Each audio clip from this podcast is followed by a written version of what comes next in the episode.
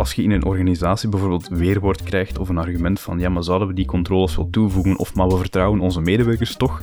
Wel, je moet rekening houden met die 1 op die 10 agenten of medewerkers die misbruik maken van hun privileges en net om die reden bepaalde controles wel gaan inbouwen en duidelijke signalen geven. De, Het oude Russische gezegde trust but verify kan hier wel eens gelden. Hallo en welkom bij Das Privé, jouw wekelijkse privacy podcast. Iedere aflevering praten we hierbij over het reilen en zeilen in de wereld van privacy. Digitale spionage, boetes, datalekken, nieuwe technologie, privacy tools, oftewel alles dat er in een week gebeurt in privacyland. Ik ben Bart van Buitenen en samen met Tim van Haren hebben wij ook deze week weer eruit gehaald wat er echt toe doet. En het wel en de van privacy deze week een saga over Colruyt. Dataretentie deel 56, waarbij de wet nu gestemd is, aangenomen is en een Duitse piraat daar op de valreep toch nog een saillant detail aan toe te voegen had. We kijken naar innovatie in encryptie. We hebben verder nog eh, DHL die social media achter zich laat. India die hetzelfde doet met VPN's. Bluetooth kan gebruikt worden om je te trekken. De online advertentiemarkt is 120 miljard fraudemachine. Een datalek, nieuws van autoriteiten. Oftewel Tim, ik denk dat wij er weer even tegenaan kunnen. Dat denk ik ook wel, zeker en vast. Het was weer een uh, leuke week geweest. Absoluut. En uh, ja, zoals jij weet, ik ben niet vies van een eh, postje op LinkedIn. Uh, mm. Als het even kan en ik zie iets wat mij triggert, dan doe ik daar wat mee. Um, de vorige keer hadden we daarover dan het gesprek met Multiminds, waar we ook mee konden nemen. Um, zoals wel vaker, als je een beetje op het scherp van de snede uh, een artikeltje schrijft, dan krijg je ook wel eens wat, wat feedback. En dan vind ik dat het aan ons is om daar ook iets mee te doen. Um, goed, wat gebeurt er hier? Waar gaat het over als ik het heb over de Colruyt-saga? Uh, had een speciale persconferentie georganiseerd. Uh, Jeff Colruyt zelf zat erbij met twee operationeel directeurs. Want kennelijk gaat het ik wil niet per se zeggen met het bedrijf zelf slecht, maar wel met de aandelenkoers. En uh, het image is een beetje dat ze heel veel overnames hebben gedaan, dat die niks met elkaar te maken hebben. En ja, dat vindt Jeff Colruyt niet terecht. En die had dus een speciale persconferentie bij elkaar geroepen om daar wat toelichting over te geven. Dus uh, hele zaal vol met beursanalisten, uh, journalisten, uh, andere mensen die bezig zijn met het financiële plaatje bij Colruyt. En goed, ze hebben daar een presentatie gegeven. Ik zat dat artikel in de tijd, werd gepubliceerd, zat ik aan te lezen. En iets triggerde mij specifiek, een bepaalde quote. Ik ga hem even voorlezen uiteraard. Via zijn dochters wil Colruyt klantendata verzamelen die het kan inzetten bij andere ketens. Merkt Nieuw Pharma dat iemand zwanger is, dan kan die klant gerelateerde aanbiedingen krijgen van Colruyt of Dreambaby. De klantenkaart-app Extra krijgt binnenkort een centrale rol en moet de digitale toegangspoort worden van alle Colruyt-merken. Wat zou mij daaraan getriggerd hebben, Tim? Wel, uh, ik, ik ga een, wilde gok doen, maar ik zou zeggen het ja, natuurlijk wild delen van het feit dat iemand zwanger is en dergelijke. Dat zijn toch wel de zaken waar ons privacyhartje een beetje sneller van ja, gaat Ja, ja, ja. Weet je waarom die, uh, herinner jij je nog, een soortgelijk voorbeeldje waar het in de praktijk alles fout is gelopen, dat, dat kennen heel veel privacy mensen wel. Volgens mij uit 2014 gebeurde daar ook mee. Weet je nog welke dat is? Uh, oh nee, dat weet ik even niet. Ik, het enige wat ik aan kan denken, omdat we het over zwangerschappen hebben, is het feit van die roze dozen. Is dat wat ah, je naartoe ja. probeert te gaan? Dat is eentje nee, waar ik nee, meteen nee. aan denk. Nee, uh, dat was uh, toevallig volgens mij in onze tweede of derde aflevering hadden we het daarover. Nee, ja. er is een andere hele bekende als het gaat om marketing en zwangerschap. Dat is uh, Target. Target is een hele bekende supermarktketen. Oh ja, ja. Um, je hebt dat verhaaltje waar op een gegeven moment de heer des huizes... die krijgt alle reclame binnen over luiers, over moedermelk. Um, ja. Die ja, legt natuurlijk het verband. Die zegt iets heeft die tent getriggerd om dit soort dingen te gaan sturen. Dus die neemt contact op. Die zegt, wat is dit voor onzin? Waarom krijg ik al deze reclame? Um, Goed, die uh, zijn er gaan onderzoeken. En, en komt er uiteindelijk uit? De, ik noem maar wat ik weet de exacte leeftijd niet meer. Maar de 16, 17 of 18-jarige dochter van die man, die uh, daar ook gewoon thuis woonde, uh, die bleek effectief zwanger. Had dat nog niet verteld thuis. En dus de eerste trigger daarvan was van het geheugenlijke nieuws, kwam dus via de marketing van Target. Nou, dat is een beetje een schoolvoorbeeld geworden in privacyland. Van kijk, dat is dus waarom je niet zomaar mag gaan profileren. Dat is waarom je daarmee op moet, lossen, op moet passen. En dan, nou ja, dan moet ik natuurlijk meteen terug aan denken. Als ik dan dit voorbeeldje hoor, dat uh, op die manier Colruyt de connectie wilt gaan leggen met uh, merkgegevens. Um, ik, ik vond dat ook, want het deed me denken aan iets waar ik de laatste tijd. Uh, begint een beetje een stokpaardje van mij te worden. Omdat als ik kijk naar bij alle organisaties waar ik de laatste jaren dingen heb gedaan rond privacy en, en GDPR natuurlijk. Um, en ik kijk naar de organisaties waar het dat heel goed is gelukt. Niet per se met uh, heel grote budgetten, maar waar je gewoon echt iets, iets concreets hebt kunnen bereiken. Waar het privacybewustzijn verhoogd is, waar dat product beter is geworden. Um, en dan de organisaties waar dat veel minder is gelukt. Um, dan is er één ding wat ik daar als een hele grote factor steeds zie. En dat is de cultuur binnen dat bedrijf. Dat is in hoeverre het management zelf ook ervan overtuigd was, hier moeten we iets mee doen. En uh, ik, ik zie dat langzaamaan als een steeds grotere factor. Als je een organisatie echt wil bereiken, ja, dan ga je eerst voor moeten zorgen dat men op managementniveau mee is met waarom we dit doen. Dus de teneur van mijn artikel was een beetje uh, 19, 1998 had je Google, uh, Facebook 2004. Toen kwam dat op en eigenlijk de laatste 15 jaar is er een beetje ingeburgerd dat je van alles met data moet kunnen doen. En dat is een, een cultuuromslag die we nodig hebben uh, voordat we echt gaan zien dat de GDPR tot volle wasdom komt. Ook al zijn we nu vier jaar verder, die cultuuromslag is nog steeds nodig. Nou, en ik gebruikte deze quote van Jeff Colruyt om dat aan te tonen. Waarbij ik zei van kijk, als dat de reflex is van een CEO die zegt ik wil mijn merken gaan verbinden en ik wil daar uh, wel degelijk meer omzet uithalen en die passen echt bij elkaar. En om dat te doen ga ik maar een beetje data minen. ja, dat, dat, dat, dat, spreekt van mij dat er nog een gebrek is aan die cultuuromslag. Nou, dat, dat was een artikeltje op LinkedIn wat redelijk gesmaakt werd. Veel mensen hebben daar reactie op gegeven. En ik kreeg daar ja, allerlei reacties op. Ook een paar mensen van Colruyt zelf. Die aangeven van ja, maar wacht eens even. Wij zijn eigenlijk echt wel goed bezig met, met privacy. Um, ik hoop trouwens, want ik, ik weet dat men ook intern bij Colruyt uh, er eens over gesproken heeft. Waarschijnlijk ook naar aanleiding van die uitlatingen bij de tijd. Um, en ik hoop dat het privacy team uh, binnenkort ingaat op mijn verzoek om uh, in de podcast daar eens gewoon een goed gesprek over te hebben. En wat zij dan, hoe, hoe, we dat moeten interpreteren, wat de nuance is. Want wellicht is de nuance er hier wel. Um, ik kreeg ook uit andere hoek een, een organisatie die ik van advies voorzie. Uh, en die onder andere ook voor Colruyt werken. En die zeiden van nou, nou Bart, kan dat niet wat rustiger? moet je daar niet even over nadenken? Dat is toch klanten van ons? Um, ja, waarbij ik denk van, nou ja, ik probeer het altijd genuanceerd te doen. Maar als er eens iets te vertellen valt en, en die uitlating zoals die nu in die krant kwam. Ja, daar kun je toch alleen maar van zeggen, dat kan toch niet de bedoeling zijn? Uh, ik geloof er ook niks van. Zelfs al ga jij mensen heel transparant om toestemming vragen. Dat iemand voor direct marketing toestemming gaat geven om gevoelige gegevens zoals potentiële zwangerschap op basis van profilering, dat die verwerkt mag worden. Dus ik weet, ik, ik zie geen manier hoe dat goed kan komen, dat je dat echt op de goede manier mag doen. Um, maar goed, uh, ik, ik vond het dus een, interessante. Eén rond die cultuuromslag, die volgens mij echt wel nodig is. En waar ik dan toch ook denk dat dit wel een symptoom van was. Um, nog eens even de kennisgeving, ja, als bedrijf zomaar even data over je entiteiten gaan delen. Is dus inderdaad niet de bedoeling, dat kan niet zomaar. Um, en hoe je toch ziet dat, en dat heeft ook weer met die cultuur te maken, dat men dan op sommige vlakken misschien eerder gaat zeggen van hé, hey, wees eens niet zo kritisch. In plaats van gewoon te zeggen van oh, wacht eens even, die moeten het gewoon beter doen. Ik denk dat je daarmee met die laatste zin exact de nagel op zijn kop slaat. Hè. Dat we zeggen van, als er al kritiek komt, dat dat dan de kop wordt ingeduwd en dat men dat niet mag uiten uit angst voor de business en de business moet alles kunnen doen. Ik heb ook het gevoel dat dit, ja, dit stamt een klein beetje uit uh, het tijdperk dat eigenlijk nu nog wel altijd een beetje nog bezig is. Um, waarbij dat elke data-analyst en data scientist dezelfde leuze altijd luidkeels roept, zijnde uh, data is het nieuwe goud of data is de nieuwe olie. En, en daar voel je al meteen aan dat daar één bepaalde prioriteit geldt, en dat is namelijk dat uit data zoveel mogelijk informatie moet worden ontgonnen. En al de rest is secundair. Of dat dan nu acceptabel is, of dat dan nu wenselijk is, of dat we er effectief iets mee kunnen gaan doen. Dat moet, allemaal, dat moet je allemaal laten liggen en je moet eerst gewoon gaan kijken naar wat kunnen we doen met die data en wat kunnen we er allemaal uit gaan filteren. Zoveel mogelijk en zo intrusief mogelijk. En zoals je zelf ook al zei, dat werkt tot een bepaald punt, maar ergens ga je dan wel op een blokkade stoten. En zeker met de GDPR-wetgeving die nu al vier jaar van kracht is. Um, en we zijn er natuurlijk nog lang niet. Ja, dit is natuurlijk iets dat nu moeilijker, ik zou zelfs durven zeggen, niet meer zomaar door de beugel kan. Hè. Als je bepaalde informatie, zeker gevoelige informatie, of dat iemand zwanger is, medische informatie, gaat verzamelen en gaat gebruiken om bepaalde diensten aan te bieden of bepaalde producten, moet u ook altijd heel goed de vraag stellen of dat je dat vandaag de dag nog wel kan doen. En dat is hier denk ik niet gebeurd en is iets te snel door de bocht gegaan. Dat gezegd zijnde, het is, is, het is dan natuurlijk logisch dat je daar kritiek op geeft, dat je dat even aan dat je dat meldt, dat je daar eventjes bij stilstaat. En dan is het jammer om te horen dat er nog altijd mensen zijn die zoiets hebben van, um, ja, maar let toch op wat je zegt, want het zijn klanten van ons en dit en dat.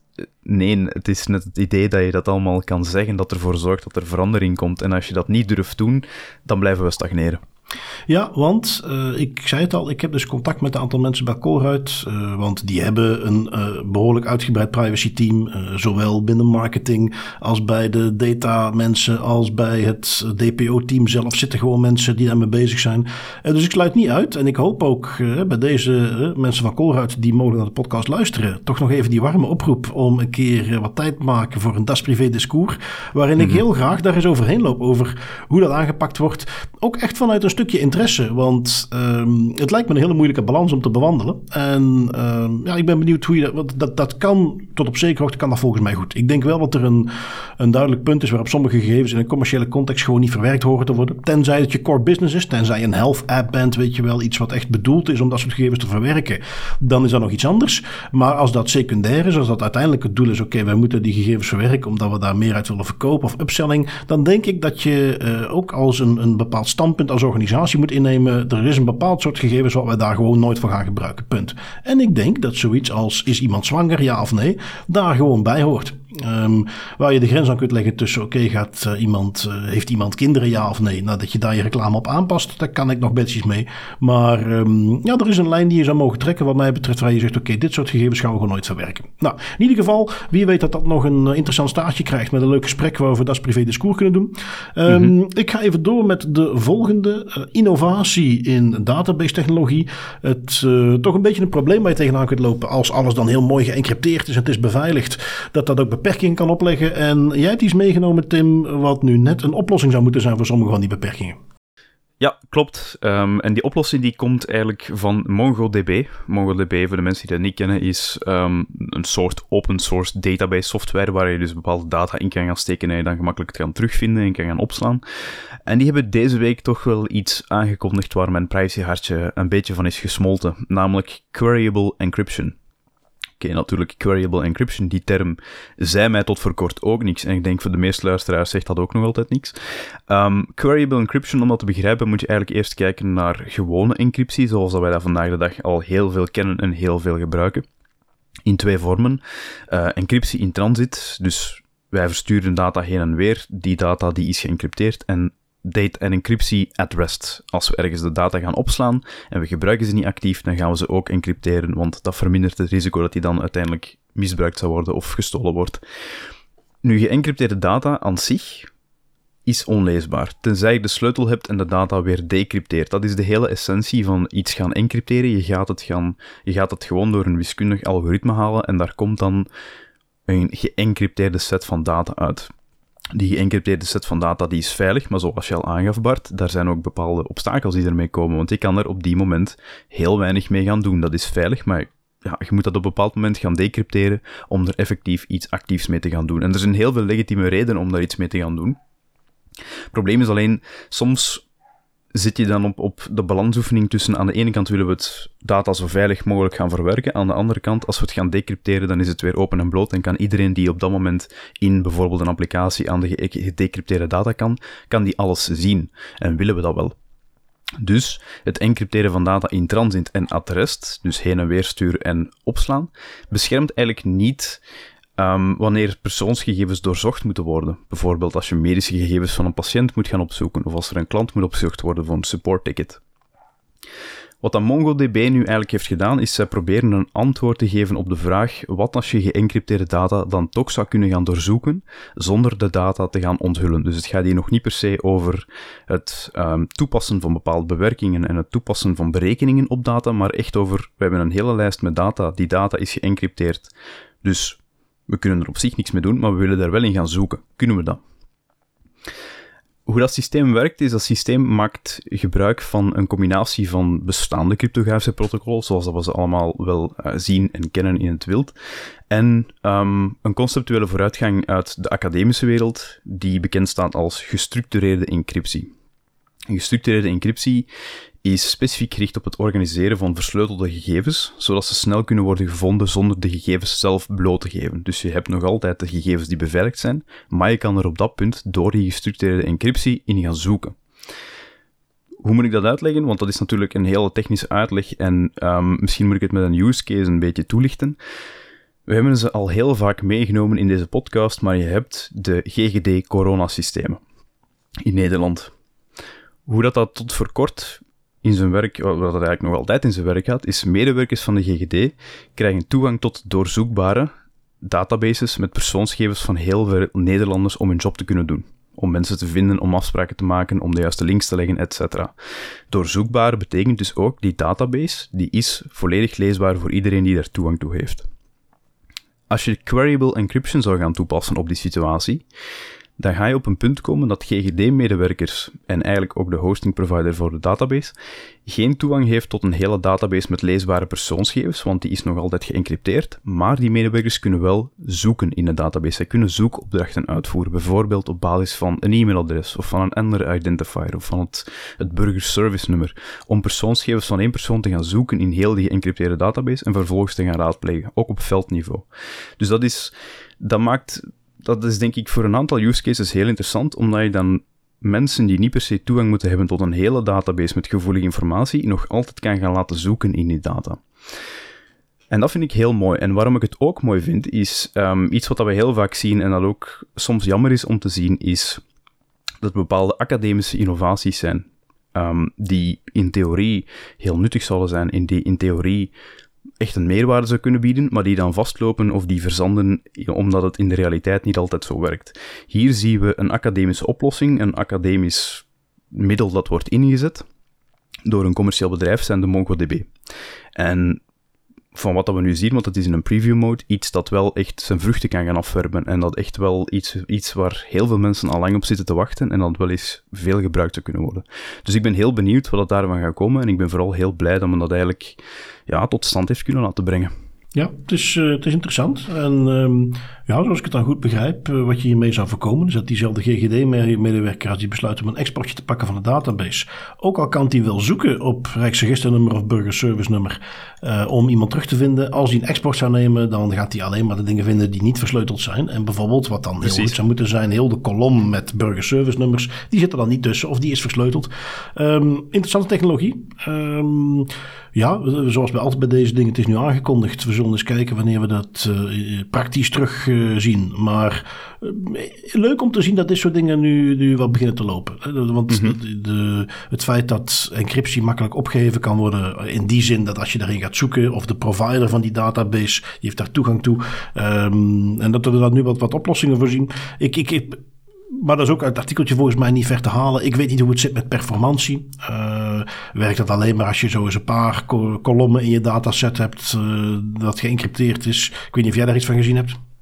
Um, ja, het is, dat is een van de zaken waarom dit een, een interessante aankondiging is. Uh, MongoDB heeft naar eigen zeggen, maar dat moeten we natuurlijk aan testen, um, heeft naar eigen zeggen wel kunnen vaststellen dat dit een zeer performante oplossing is die nog altijd, zeker ook op, op databases die geëncrypteerd zijn, nog altijd snelle zoekresultaten levert. En niet alleen dat, maar ook zeker interessant mochten er uh, database architects zijn die luisteren naar de podcast.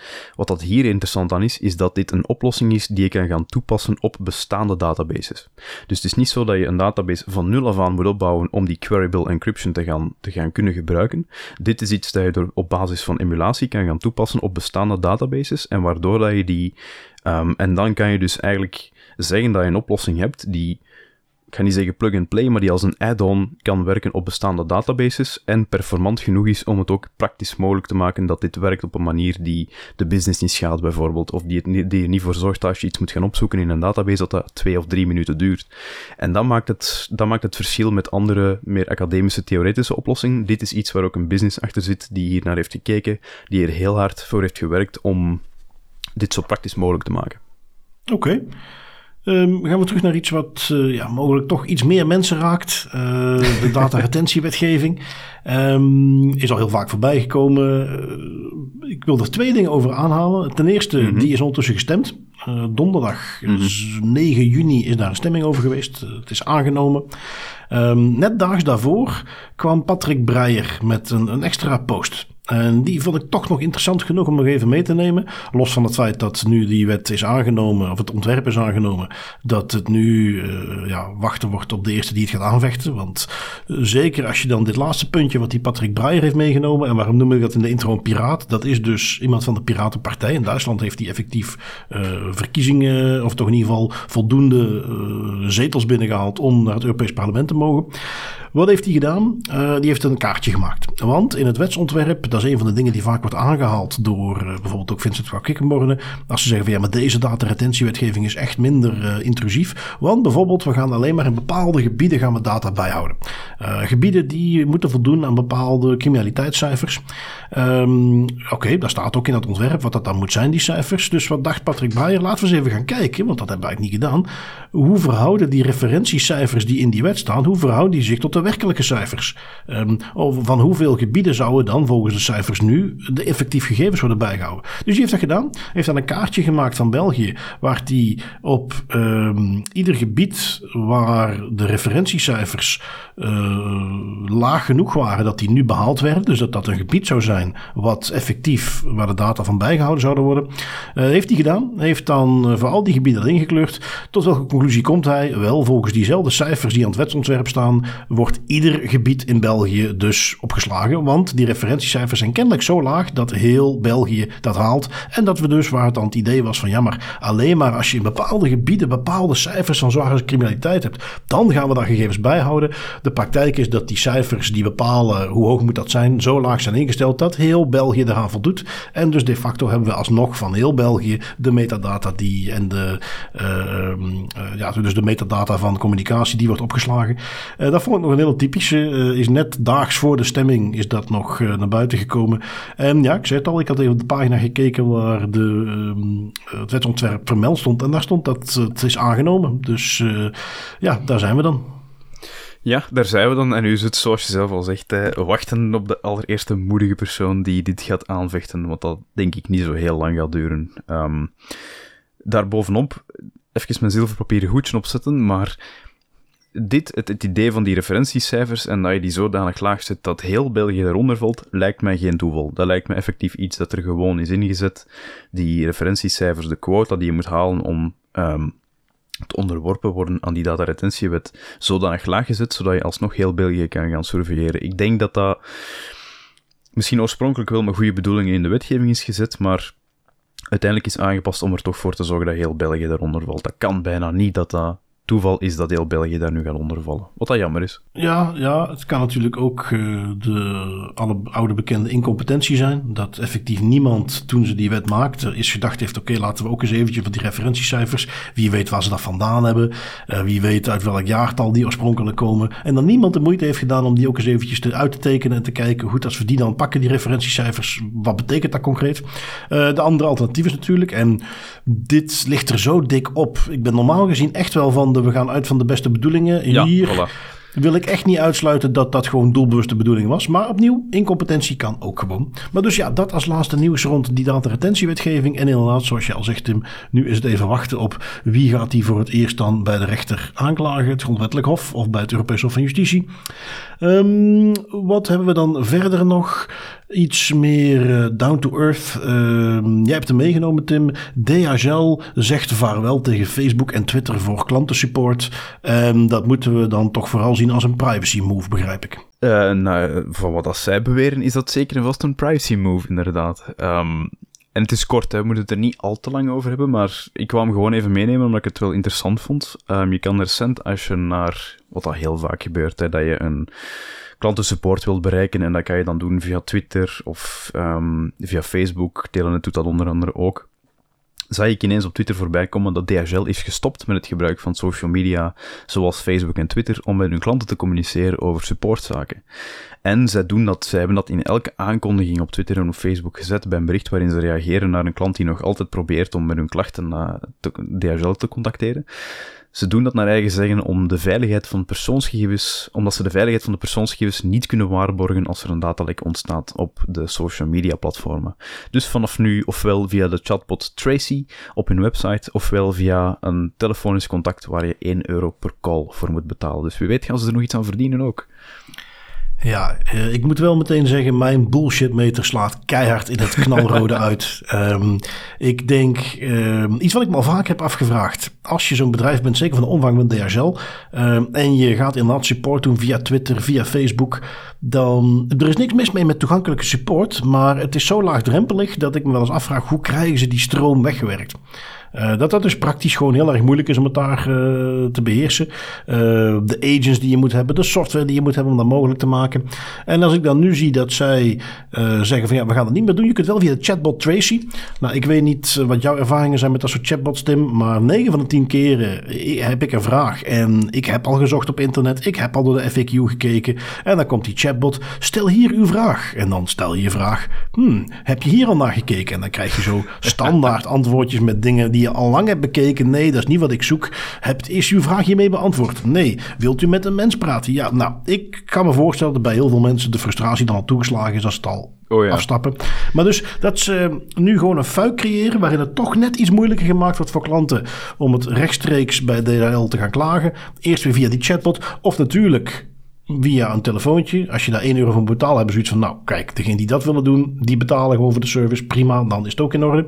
Um, En ik moet dus zeggen... Um, ik heb hier heel sterk het gevoel dat dit helemaal niks te maken heeft met we kunnen de gegevens niet beveiligen bij een datalek, want dat geldt overal. Als je een datalek hebt, het hele principe van een datalek is dat het niet beveiligd was. Dus nu gaan zeggen, als we een datalek hebben bij Twitter, ja, dan kunnen we het niet beveiligen. Nee, dat is het principe van een datalek. Dus dat klinkt voor mij als gewoon complete onzin. Um, dit is uh, onder het mom van we beveiligen persoonsgegevens gewoon een commerciële beslissing om veel efficiënter klantenverzoeken af te gaan handelen. Waar ik me best in kan vinden, want ik heb me al vaker afgevraagd of dit echt wel gaat blijven duren. Dat het allemaal via Twitter en WhatsApp en Facebook kan. Want dat moet een hoop kosten. Maar gooi het dan niet op dat je mensen hun privacy beschermt. Want dat is zo goedkoop en zo doorzichtig. Nee, je, je hebt me overtuigd. Er zijn zeker en vast een aantal argumenten om te denken dat het hier niet gaat over DHL die plotseling privacy wel heel hoog in het vaandel draagt en denkt aan al die arme mensen op Twitter en Facebook die dan hun data lekken. En dan kan ik alleen nog maar aan toevoegen aan je rant dat het extreem scummy zou zijn als men het dan effectief toch op de GDPR-wetgeving zal steken en hiermee eigenlijk er dan mee wegkomt door te zeggen van ja, maar kijk, we gaan zo goed om met die persoonsgegevens en achteraf dan zo in die handjes wrijven van haha, kijk eens hoeveel duizenden euro's we per maand nu kunnen sparen. Nou, daar gaan we achterkomen wanneer iemand erin slaagt om Tracy in plaats van gewoon de FAQ's op te lijsten, het voor elkaar krijgt om daar gewoon alle klantgegevens uit te trekken uit die chatbot. Ja. En dan weten we of het uh, wel of niet uh, was om de gegevens beter te beveiligen. Um, je kunt natuurlijk nog een andere kant op gaan om gegevens beter te gaan beveiligen. Je kunt zeggen, we gaan gewoon iedereen verplichten om ze aan ons door te geven als zijnde de overheid. En dat mhm. is wat er nu in India gebeurt, maar met VPN's. Je hebt hem meegenomen van Bleeping Computer. Uh, India en VPN's, dat is geen gelukkige combinatie meer.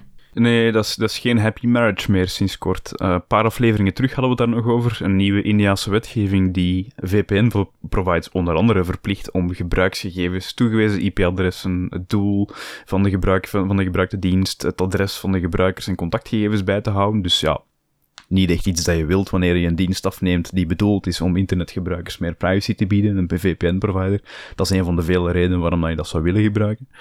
Um, toen hadden wij ook al de voorspelling gedaan dat een heleboel VPN-providers in India gewoon de stekker er zouden uittrekken en vertrekken. Want ja, als je aan die wetgeving gaat voldoen, dan is je grootste business case al weg. Um, en dat is nu ook effectief het geval. Na ExpressVPN vertrekt nu ook Surfshark uit India.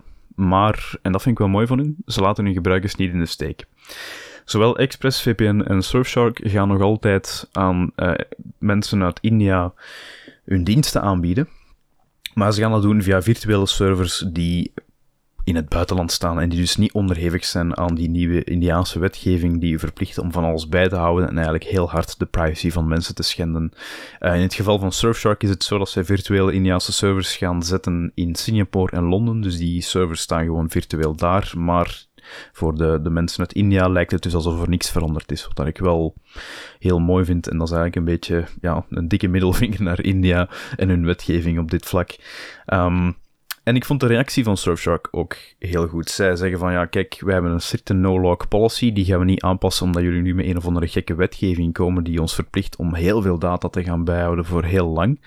En um, wat zij ook zeggen, en dan moet ik even quoten, zij zeggen, ultimately collecting excessive amounts of data within Indian jurisdiction without robust protection mechanisms could lead to even more breaches nationwide. Wat dat denk ik niet meer dan de logica zelf is. Als je al die informatie gaat opvragen, gaat verplichten om dat te laten bijhouden, dan stijgt de kans exponentieel dat er ooit die informatie, een datalek is bij die informatie en dat die data dan naar buiten vloeit. Wat dat niet iets is wat je wilt. Wat dat je niet hebt, kun je niet lekken. Dat is altijd de leuze achter die data breaches. Dus het feit dat hier een wetgeving is die ja, VPN-providers verplicht om heel veel persoonsgegevens bij te gaan houden, is vreemd. Ja, ja goed. Uh, als er dus kennelijk ook een optie bestaat om het dan gewoon met een soort virtuele VPN-locatie te ja. nog steeds uit India komt, ja, dan heb je daar de hoofdreden waarom mensen dat willen kunnen doen, namelijk om uh, India's uh, series te kunnen bekijken. Die hou je daarmee in stand. En dat is natuurlijk het grootste ding wat ze met die VPN's willen doen. Want als het puur gaat om het beschermen van je verkeer, ja, dan maak je gewoon verbinding met een VPN-service buiten India, wat volgens mij nog steeds moet kunnen dan. Um, dus voor de doorsnee Indiër die het echt puur doet voor de privacybescherming, weet ik ook niet of dit nou zo heel veel impact gaat hebben.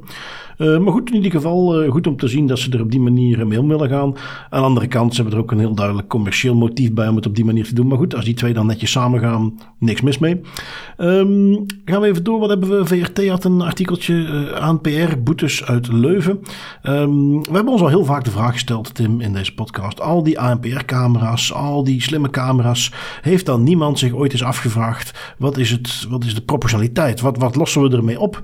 Um, mm. Waarom is daar nooit een studie mee gebeurd? Wel, ik denk dat we langzaamaan het antwoord misschien toch al wel wisten, maar in dit geval is het heel evident. Want Leuven gebruikt die ANPR-camera's ook om gasboetes op te leggen. En laat dat toch eventjes een ontzettende cash cow zijn. Um, ze hebben onder andere een hele speciale camera aan het Martelarenplein. En die flitspaal heeft op twee jaar tijd zo'n 1,65 miljoen euro in het laadje gebracht. Nou, ik denk dat je daar je motief hebt om zo'n ANPR-camera intact te laten. Die betaalt zichzelf wel terug. Um, dan geeft men dan aan van ja, gewoon misschien dat we die signalisatie daar wat beter kunnen doen. Uh, gaat me dan toch eens naar kijken. Um, en ja, dus ik denk dat we daar voor een heel groot deel, toch zeker als het voor deze gasboetes in gaan zetten, ons antwoord hebben. Waarom komen er steeds meer ANPR-camera's? Men gaat helemaal niet meer kijken. Ja, maar dat is eigenlijk best wel een privacy schending. Is dat wel proportioneel? Er wordt gewoon gezegd van nou, nee. Uh, hoppakee, dat brengt geld op. Makkelijk, dit is goed verdiend. En dan moet je maar niet stout zijn. Dan is er helemaal niks aan de hand. Dat lijkt een beetje de insteek te zijn als je dit zo leest. Ja, uh, en dan kan je natuurlijk, dan, dan heb je een aantal privacy peoples die zoiets hebben van, ja, maar persoonsgegevens, terwijl het budgetkas keihard wordt dik aangespekt, ja, dan houdt het argument natuurlijk op, hè. Money overall. En het is, ja. Eh, ja, ik stel mij dan ook de vraag van, Oké, ja, dat is natuurlijk leuk voor, voor de stad, dat hun stadsbudget exponentieel wordt uitgebreid met die, met die flitscamera's. Maar dan zou ik me toch ook vragen beginnen te stellen over uw verkeersbeleid en over de manier hoe mensen rondrijden in uw stad als je effectief dankzij het flitsen van mensen zoveel geld binnenkrijgt. Want dat zijn veel mensen die geflitst worden, hè. Dus ja, aan de ene kant heel tof dat ze zoveel geld krijgen voor hun. Aan de andere kant bevestigt ook nog maar eens dat ze met een groter probleem zitten en dat dit niet meer en niet minder is dan een klein beetje symptoombestrijding. Wat we al vaak hebben gezegd bij die camera's. Hè. Uiteindelijk, de meerwaarde is nog altijd zoek, zeker op maatschappelijk niveau. Um, maar ja, nu hebben, nu hebben ze tenminste nog een argument om te zeggen dat die camera's moeten blijven staan, zijnde we worden er gewoon rijk van. Ja, inderdaad. Um, even zien, wat heb jij nog meegenomen? Een uh, ja, extra onderzoek. We hebben weer een nieuwe manier om mensen in de gaten te houden, als ik het goed heb gelezen. Ja, want er waren er nog niet genoeg in de wereld. Er um, zijn onderzoekers van de Universiteit van Californië, San Diego. En die hebben een manier gevonden om smartphonegebruikers te identificeren en te tracken aan de hand van hun Bluetooth-signaal.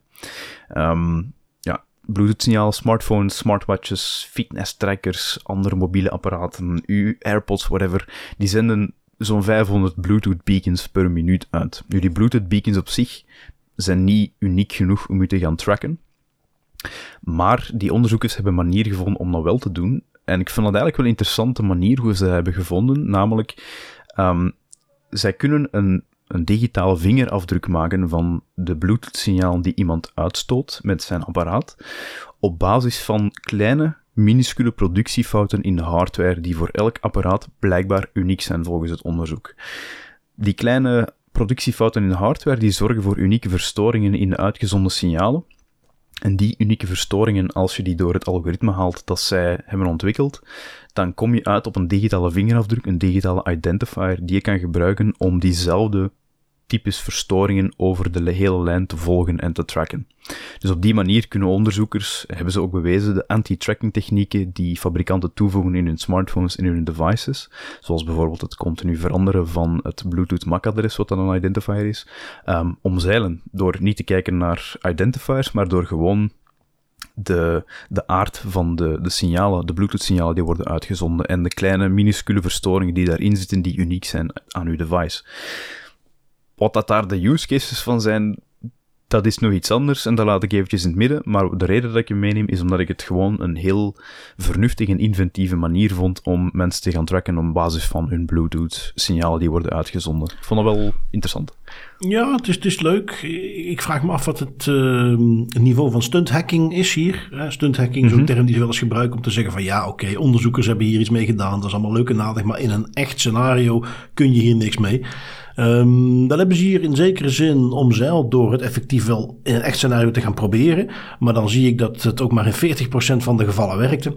Um, dat de, het bereik ervan redelijk klein is. Dus dit is niet zo als wifi tracking waarin je dat gewoon 100% accuraat kunt doen. En je dus zeker weet, ik kan iemand tracken. Dus de vraag is eventjes of iemand die het met een 40% betrouwbaarheid, of die dat dan echt al wil gaan inzetten om te tracken. Want dat is toch niet super hoog. Maar goed, uh, kijk, zoals we vaak met dit soort dingen zien, het begint ooit met een stukje onderzoek door een academicus. En dan vijf jaar later zie je terugkomen op wat voor manier dit allemaal uh, eventueel gebruikt of gebruikt kan worden. Ja. Dus heel interessant om het voorbij te zien komen.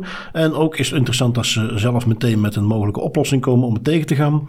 Um, wat heb ik nog meegenomen? Um, iets wat eigenlijk al wel geweten is. Um, de online advertentiemarkt, met andere woorden, advertenties die getoond worden, het feit dat je daarvoor moet betalen, op het moment dat iemand erop klikt of die advertentie heeft gezien. Er wordt al heel lang geroepen dat, dat, uh, ja, dat daar heel veel fraude plaatsvindt. Dat het heel moeilijk meetbaar is om te laten zien, ik spendeer nu, ik noem maar wat toch, 10.000 euro per maand aan die advertenties. Hoeveel conversie haal ik daaruit? Met andere woorden, hoeveel mensen gaan naar het, na het zien van mijn advertentie gaan effectief iets kopen? Al is het maar omdat niet iedere advertentie die hij laat zien en iemand klikt daarop, dat meteen leidt tot een aankoop. Wie weet dat het feit dat ze dat gezien hebben op een website de reden is waarom het naderhand als ik ga boodschappen doen in de supermarkt in mijn boodschappenkaartje verdwijnt. Um, dat is niet te meten. Dus er zit altijd een ingebouwde onzekerheid. Iets waarvan men ook vanuit marketing toch altijd een beetje lijkt aangenomen te hebben. Ja, we moeten er gewoon geld tegenaan gooien. Exposure is exposure. Probeer het zo goed mogelijk te meten. Maar ja, dat is nu helemaal niet 100% betrouwbaar. Nu goed, ehm, de online advertentiemarkt eh, heeft men toch altijd een beetje het gevoel gehad van ja, maar daar is ook heel veel fraude. Er zijn heel veel bots die rondklikken, die uh, faken menselijk gedrag. En dan zit jij te betalen als adverteerder voor iets waar helemaal geen mens naar gekeken heeft. Het artikeltje wat ik heb meegenomen komt uit een nieuwsbrief van iemand die in marketingland redelijk gekend is. En die heeft gekeken naar een rapport van de Association of National Advertisers, de ANA. En die gooien er even een getalletje tegenaan. Die zeggen dat uh, de markt van adfraude in 2022 ongeveer 120 miljard bedraagt. Um, in eh, de nieuwsbrief kadert het eventjes van ja, eh, even voor de goede orde. Dat betekent dus dat puur de, de fraude die plaatsvindt met die, in die online advertentiemarkt, die is groter dan bedrijven zoals Coca-Cola, McDonald's, PepsiCo, Nike, Unilever.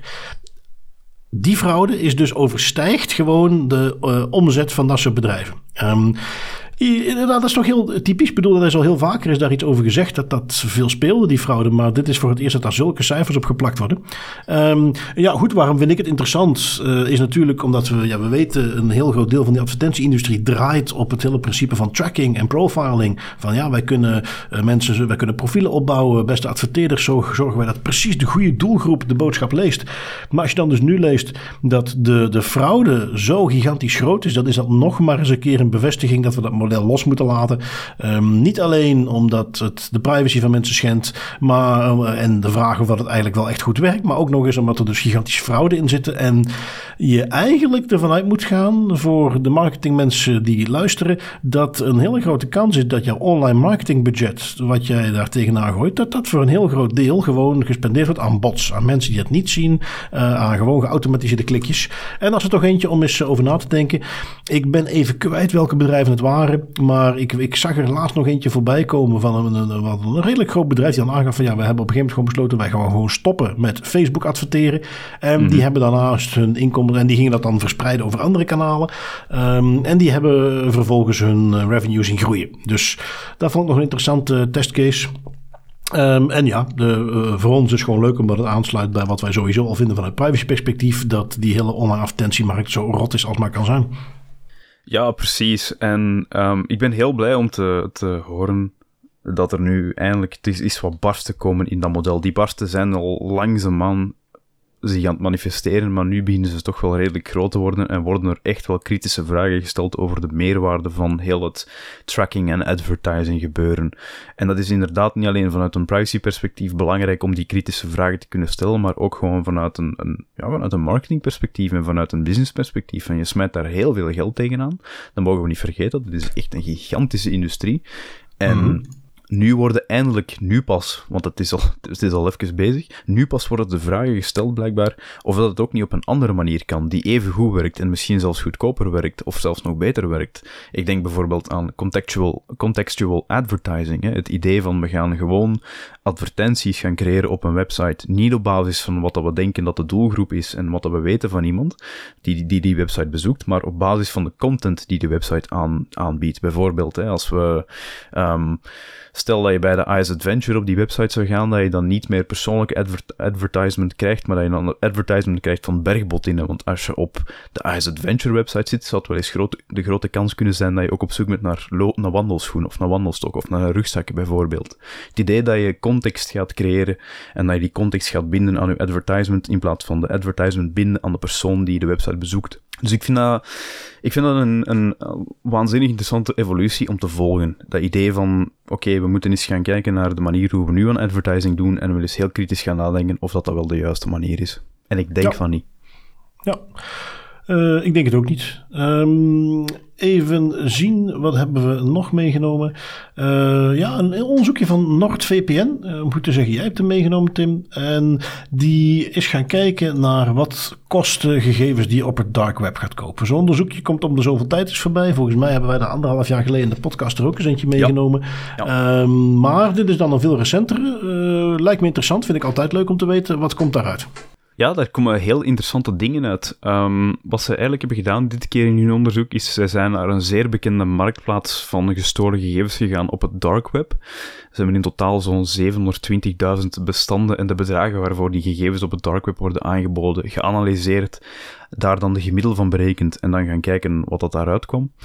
Um, en ja, ik vind het altijd een heel interessante oefening om eens te zien om het ook wat praktisch te maken, als we het hebben over datalekken, voor hoeveel euro of dollar wordt zo'n zo'n set van gegevens die gelekt is of die gestolen is, nu eigenlijk verkocht op een marktplaats op het dark web.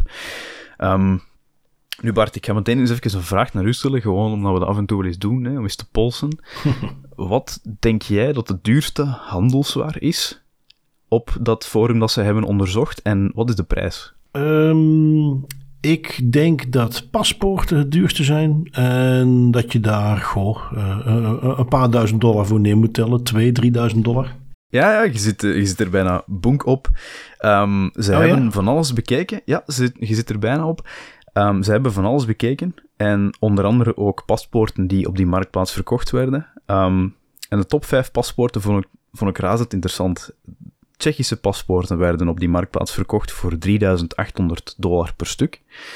Um, hmm. Litouwse en Slovaakse paspoorten ook voor 3800 dollar per stuk gemiddeld. En dan, bizar, in de top 5, nummer 4, België, voor 1900 euro. Of dollar. Dat vind ik heel gek, dat je dan die Oostbloklanden hebt en dan plotseling staat België op nummer 4. Vond ik, um, vond ik heel gek. Gevolgd door Denemarken voor exact dezelfde gemiddelde prijs, 19.900 euro. Dat is niet het enige interessante. Iets dat ze ook hebben gezien is dat de accountgegevens, dus, dus niet per se de bankkaarten, maar echt de inloggegevens van een bankaccount bij ING, bij de Nederlandse bank, um, werden verkocht voor gemiddeld 3500 euro. En dat is aanzienlijk hoger dan andere bankgegevens. En de reden denken de onderzoekers waarom dat, dat zo is, ze speculeren daar een klein beetje over in de blogpost. Ja, ze denken dat dat is omdat de beveiliging van ING een pak interessanter is en een pak beter is dan de andere banken. En omdat er heel veel mensen, het, het volume van mensen op ING ehm, veel groter is dan bij andere banken.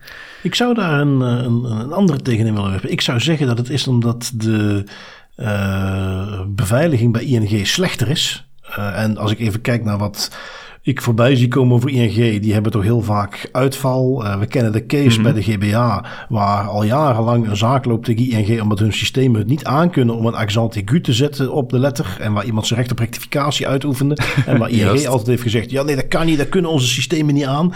En dan denk ik dus dat ING uh, dus ook zijn beveiliging minder op orde heeft. En als je dus vanuit de hacker mindset denkt, ja dan zijn die dus extra gewild, vragen aanbod, dan worden ze duurder. Dat zou, je, dat zou je inderdaad ook kunnen doen. Het is niet de speculatie die in de blogpost wordt gezet, maar het is wel eentje die ik ergens ook kan volgen. Um, bankkaarten worden daar ook op verkocht, maar die worden voor aanzienlijk minder verkocht. Ik denk dat daar een, een 110 dollar per bankkaart was. Um, en de reden dat de prijzen zo verschillen, dat hebben ze wel vastgesteld, die onderzoekers, tussen aan de ene kant accountgevers van banken en aan de andere kant bankkaarten, is omdat je de accountgevers van banken kan gaan gebruiken om uh, geld te gaan witwassen. Of om dat te gebruiken als een, een money hmm. mule. Om dat eigenlijk gewoon te gebruiken als tussenman om geld te gaan, te gaan opstockeren. Terwijl op een bankkaart, ja, dat koop je gewoon in de hoop dat er iets meer op die bankkaart staat waarmee je er een winst uit kan halen. Albel, ik vond dat heel interessant om te zien dat, um, ja, wat dat zo de gangbare prijzen zijn op een dark web markt. En uh, dat het toch nog voor serieuze bedragen verkocht wordt. Ja, in ieder geval interessant. Al is het maar om nog eens een keer een updateje te zien van uh, mm -hmm. wat kost dat tegenwoordig op het dark web. Um, wat hebben we nog? Ja, een beetje daarop aansluitend. Uh, je verkoopt die dingen op het dark web. Um, dat gaat ook wel eens fout. Dan word je bij de lurven gevat. En wat staat je dan te wachten? je hebt natuurlijk wat geld verdiend. We hebben net de prijzen gehoord. Um, iemand is daar achter gekomen. Iemand uit Heerenveen. Nederland uiteraard. Die is voor drie jaar de cel in. die heeft ja, die is tegen de lamp gelopen. Die zijn handeltje is stopgezet. Die had uh, eh, 125.000 telefoonnummers die hij dan uh, had verzameld en die hij doorverkocht. Um, had wachtwoorden, gebruikersnamen, cookies van 6700 besmette computers. en opnieuw het idee is dan, je verkoopt die door. Dus deze persoon die veroordeeld werd voor drie jaar gevangenis, is niet degene die vervolgens ging hacken of ging bellen. Is gewoon degene die het, de gegevens doorverkocht. Zodat anderen daar dan vervolgens gebruik van konden maken om die mensen op te lichten.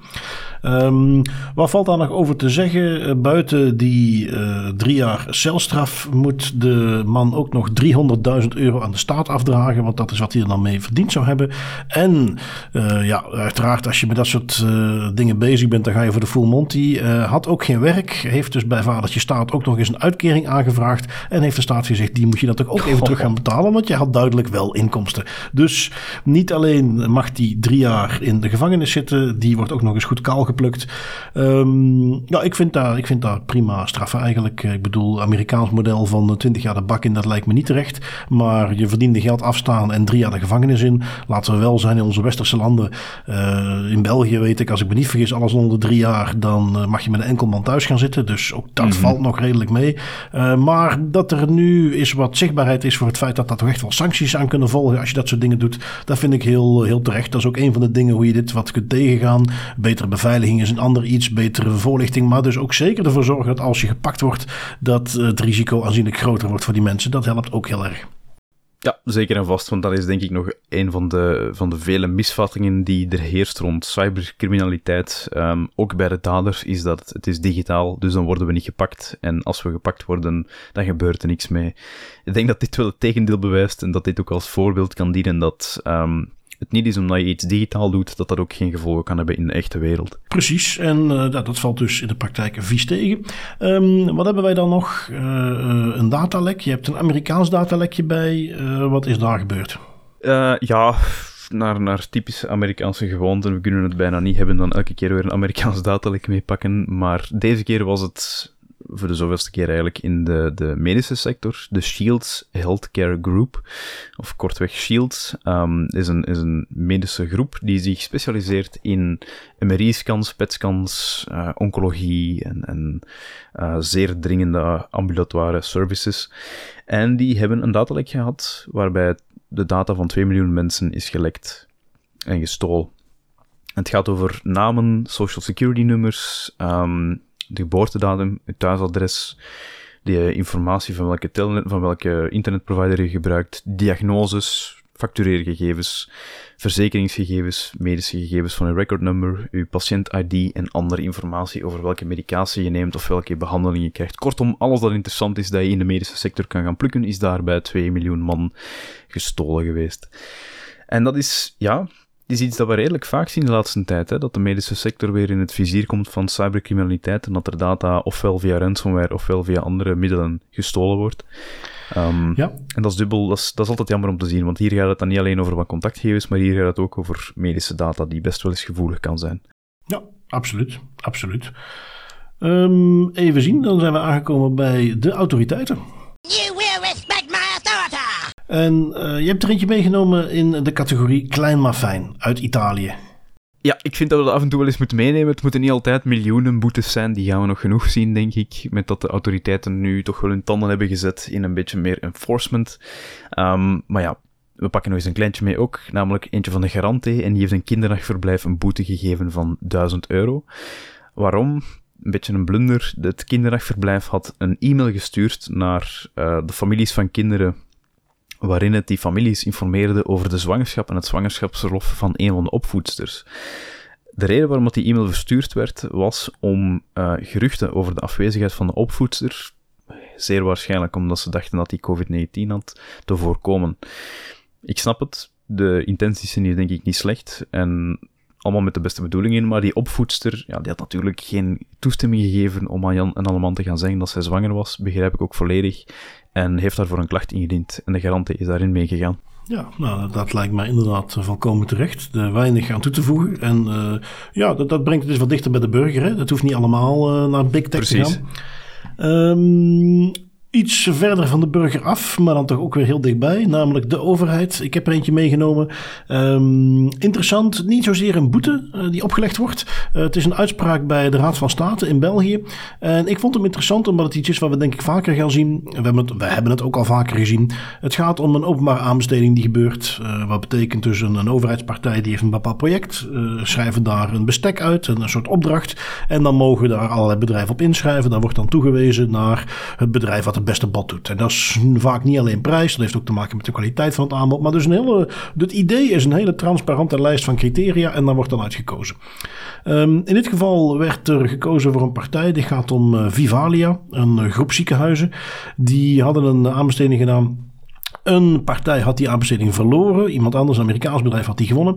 En die spannen een zaak aan met de Raad van State. Uh, want die zei van ja, wacht eens even, dat is een Amerikaans bedrijf. En in het bestek staat helemaal niks over uh, maatregelen die ze moeten nemen. Schrems 2, context natuurlijk. En de Raad van State is daarin meegegaan. Die heeft gezegd van ja, Vivalia, we hebben eventjes jullie uh, opdrachtbrief bekeken. Niet alleen wordt dat heel licht op het stukje Schrems 2, maar eigenlijk staat daar sowieso bijna niks in over de verwerker die jullie gaan inschakelen en welke voorwaarden die moet voldoen. Um, dat is wel een van jullie je moet daar de verplichte artikel 28 en andere aspecten uit de GDPR uh, moet je daarin zetten. Uh, rond beveiliging, rond het uh, internationaal transfer als je een Amerikaanse partij bent. Een heleboel dingen die erin moeten staan. En die hebben dus gezegd, jullie moeten je huiswerk opnieuw gaan doen. Um, eigenlijk heel erg slecht in die zin dat, ja, dat is toch iets wat ondertussen, ik kom ook bij veel overheidsentiteiten, dat soort dingen staan tegenwoordig echt wel in bestekken. Dat hoort er echt in te staan. Um, mm -hmm. Dus dat dit er helemaal niet in stond bij Vivalia, dat is toch ergens wel redelijk ja, basic dat ze dat niet goed hadden. Um, nu, als ik de naam Vivalia zeg, waar moet je dan nog aan denken, Tim? Ransomware. Oh ja, de, heel dat netwerk lag ook plat door ransomware. Ja. Ik wil niet zomaar conclusies trekken, maar als ik dan zie dat ze aan de ene kant aan het contractuele luik het echt heel slecht voor elkaar, aan de andere kant het hele netwerk ook platgelegd met ransomware, zou ik denken, Vivalia, misschien wordt het tijd om de investeringsprioriteit een beetje te verschuiven naar security en privacy. Um, dat is privé, top tip. Um, wat hebben we nog? Ja, jij hebt er nog eentje meegenomen, een, een verzameling van boetes, misbruiken van politiesystemen uit uh, Duitsland. Dat klinkt interessant. Ja, dat is ook uh, interessant en soms een klein beetje hallucinant. Um, er zijn namelijk verschillende Duitse autoriteiten die hun jaarrapport hebben gepubliceerd. En in die verschillende jaarrapporten zit een verzameling van negen boetes voor het misbruiken van politiesystemen door uh, politieagenten. Ik ga ze niet allemaal meenemen, maar er zitten wel een paar pareltjes tussen die ik, die ik wel even wil benoemen, omdat het gewoon totale waanzin is als ik dat zo moet, moet voorlezen. Um, Toegang tot politionele informatie werd, gebruik, werd misbruikt, moet ik eigenlijk zeggen, door agenten voor onder andere volgende doeleinden of redenen. Um, nummer 1, informatie opzoeken om je verklaring voor te bereiden in je eigen strafzaak. Dat vind ik ja, toch wel ballsy. Ten tweede, de nieuwe partner van een vriends ex-vrouw opzoeken uit zogezegde angst voor het welzijn van hun kind. Misschien, als het waar is, de beste bedoelingen, maar opnieuw niet de manier hoe je dat moet aanpakken. Nummer drie, um, het onderzoeksproces over je stiefzoon opzoeken om hem de kans te geven zich voor te bereiden en met de zaakbelaste ambtenaar te overtuigen van een andere volgorde van het gepleegde misdrijf. Nou, dus effectief dat ook nog eens doen. Um, nummer vier, het stalken van je ex-vrouw, inclusief verrassingsbezoek aan de voordeur met de informatie die je hebt gekregen, het nieuwe adres. Dat uh, moet niet zo leuk zijn geweest voor die vrouw. En dan de laatste, en dat vind ik eigenlijk nog de gekste van allemaal, um, informatie over een online verkoper van een notebook opzoeken en die persoon met die informatie dan confronteren. Het doel was om de agent zijn vraag naar een alternatief betalingsmethode kracht bij te zetten door de verkregen informatie te vermelden. Dus die agent, ik moet het me even voorstellen, die had waarschijnlijk een notebook gekocht, of die wou een notebook kopen, vond daarin niet de betalingsmethode terug die hij wou om, met die, om die notebook te betalen, en besloot dan maar want dat is doodnormaal, hè, om de persoon die de notebook verkocht af te dreigen en een klein beetje te gaan doxen door die informatie te gaan opzoeken. Dat is complete waanzin. Ik denk dat je bij die laatste misschien uh, alternatieve betaalmethode moet zien als een eufemisme voor gewoon lekker ouderwetse afpersing. en dat je met die informatie uit de politiedossier gewoon een gratis notebook wilde krijgen. Uh, je kunt het maar proberen. Um, ja. Ja, dat is een mooi lijstje, hè? Dat is, een, dat is een aardig lijstje. Nu, ik moet daar meteen wel de nuance bij geven voordat we hier beticht worden van police bashing. Niet alle agenten zijn privacy schendende gekken. Ik denk, ik hoop zelfs dat de meerderheid dat niet is. Maar dit is opnieuw zo'n voorbeeld van als, als je in een organisatie bijvoorbeeld weerwoord krijgt of een argument van ja, maar zouden we die controles wel toevoegen of maar we vertrouwen onze medewerkers toe, we, toch? Wel, je moet rekening houden met die 1 op die 10 agenten of medewerkers die misbruik maken van hun privileges en net om die reden bepaalde controles wel gaan inbouwen en duidelijke signalen geven. De, Het oude Russische gezegde trust but verify kan hier wel eens gelden. Ja, en kijk even misschien de, de alternatieve betaalmethode daar gelaten. Al die andere voorbeeldjes zijn allemaal casussen waarin je zegt van ja, ik snap dat iemand dan in de verleiding komt om op te gaan zoeken. Ja. En je ziet dan dus terugkomen dat het zo belangrijk is om daar goede awareness rond te doen. Ik, ik ben er ook van overtuigd dat een heleboel van de voorbeeldjes die we hier doen, als je die persoon dan zou vragen, ja, maar waarom deed je dat? Dat die zou zeggen van ja, ik ben toch politieagent, ik heb een bepaalde deontologie, ik mag dat toch. Uh, en dat dat mhm. dus te maken heeft met daar beter in trainen. Um, ik hoop ook heel erg erg als je dit soort dingen ziet. Ook al is het inderdaad maar een minderheid. Maar als ik dan bijvoorbeeld zie dat ze bij ons met iPolice het makkelijker gaan maken om met toeltjes, zelfs op de mobiel, het steeds toegankelijker maken om alle informatie op te zoeken. Dan hoop ik dat ook de, hè, om daar een beetje het modewoord, uh, de checks en balances in orde zijn. Dat dat dus ook gelogd wordt. Dat daar verantwoording over afgelegd moet worden. Dat dat niet alleen gelogd wordt, maar dat dat ook periodiek door middel van steekproeven wordt getoetst. Hey, dit zijn de raadplegingen die we hebben gezien. Ja, Waarvoor was dat? En dat er een link moet zijn met een dossier of een onderzoek of een, een, van mijn part een patrouille in een buurt waarin je zegt ik zag iets vreemds. Maar dat er op de een of andere manier een link moet zijn met, en dat ook, en vooral dat, eh, loggings eh, dat ze hebben is één ding, maar je moet er ook op gaan handhaven. Je moet ze ook gaan gebruiken, je moet er ook steekproeven opnemen. Um, dus voor iedereen beter. Het vertrouwen van de burger beter. Het is voor de awareness bij agenten beter die mogelijk oprecht denken dat ze dat soort dingen mogen doen. En het is natuurlijk ook om het echte misbruik meteen op te sporen, zodat het ook de reputatie van andere agenten die het wel goed doen ten goede komt dat zijn allemaal goede redenen om hier heel goed mee om te gaan. En nou, dit zijn nog maar eens wat voorbeeldjes uh, waarom en dat is ook waarom je als vanuit privacy-activistenhoek nog vaak zo wilt strijden tegen bepaalde verdere invasieve maatregelen. Het is niet omdat er helemaal nergens een reden voor zou zijn te bedenken. Het is omdat het risico op misbruik, dat is niet fictief. Dat gebeurt heel erg veel. En dat is de reden waarom je iedere keer als er meer gegevens worden verzameld of meer worden verwerkt of er weer een slimmere camera komt, waarom je moet kunnen uitleggen waarom doen we dat en waarom is het potentieel risico dat we zien op misbruik, is dat in evenwicht met wat we ermee hopen te bereiken. Klopt, en dat is niet alleen een verantwoordelijkheid van de, in dit geval dan de agenten die gebruik maken van die software. Die verantwoordelijkheid ligt deels bij hun om natuurlijk goed te weten wat ze wel en niet mogen doen. Maar ik zou ook durven stellen, omdat je dat voorbeeld van iPolice aanhaalt, ik vind het een prachtig voorbeeld van een klepper van een tool die dan wordt geïmplementeerd binnen een organisatie die ik durf zeggen, nog niet de juiste awareness en nog niet de juiste mindset heeft om daar op de juiste manier mee om te gaan. En dat is de verantwoordelijkheid van de organisatie om die mensen voldoende op te leiden en voldoende in de juiste richting te manoeuvreren, dat die mensen goed weten van wel, dit kunnen we wel doen met die tool, en dit mogen we absoluut niet doen met die tool. En zolang dat, die, dat onderscheid niet wordt opgenomen door de organisatie en niet wordt gehandhaafd, blijft het probleem en moet je inderdaad gewoon ervan uitgaan dat er ook misbruik kan zijn. Zo simpel is het. Ehm, goed, dan zijn we toegekomen aan onze privacy pointers. Ik ga um, eerst aan jou vragen, Tim. Wat heb je meegenomen als privacy pointer? Ik heb eigenlijk een oude bekende meegenomen die al op onze lijst staat, maar die nu een, nieuwe leuke feature krijgt, Bitwarden. Bitwarden was, um, of is nog altijd, een password manager.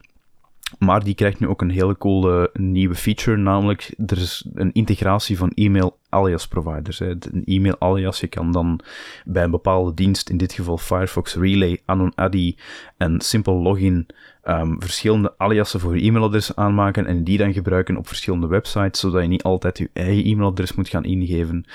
Um, en dat kan je dus nu ook doen. Je kan, dat, je kan dat genereren en gebruiken vanuit je Bitwarden applicatie om heel snel een heel handig nieuwe alias aan te maken. Dat vind ik, vind ik handig, want ja, aan de ene kant privacy en alle features en toeters en bellen die erbij komen.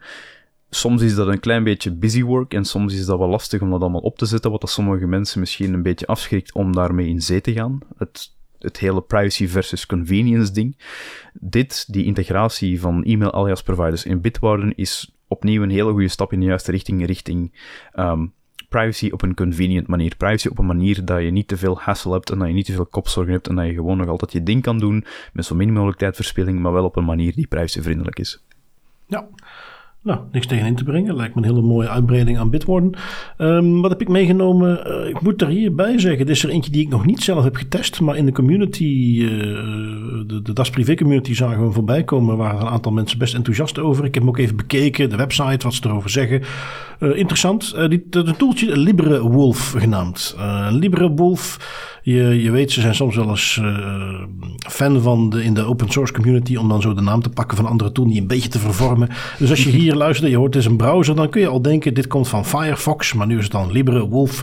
Um, het idee is, het is gebaseerd op Firefox. Het is uiteraard open source, um, maar het is dan nog verder hardend. Dus er zit een stukje uh, uBlock Origin, is een tooltje wat er automatisch in zit. Uh, er wordt helemaal geen telemetrie verzameld.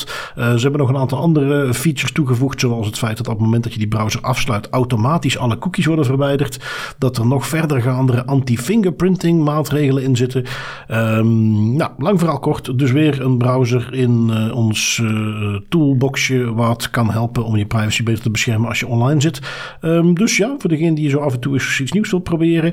Uh, LibreWolf kan interessant zijn hele leuke. En uh, ja, ik moet wel zeggen, gemiste kans om het hier Waterwolf te noemen, om het branding-idee nog harder te laten uh, uitscheren, dat het iets ja, dat ja, op Firefox lijkt. Dat had, nog, dat had nog iets beter geweest dan LibreWolf, wat dan niet zo gemakkelijk van de tong rolt, vind ik. Dat dan weer niet. Um, goed, Tim, dan zit het er voor deze week weer op. Ik vond het weer een leuke show. Ik hoop onze luisteraars ook. En ik dank jou weer voor je tijd deze week. Zoals altijd, met heel veel plezier. En tot volgende week. Tot volgende week.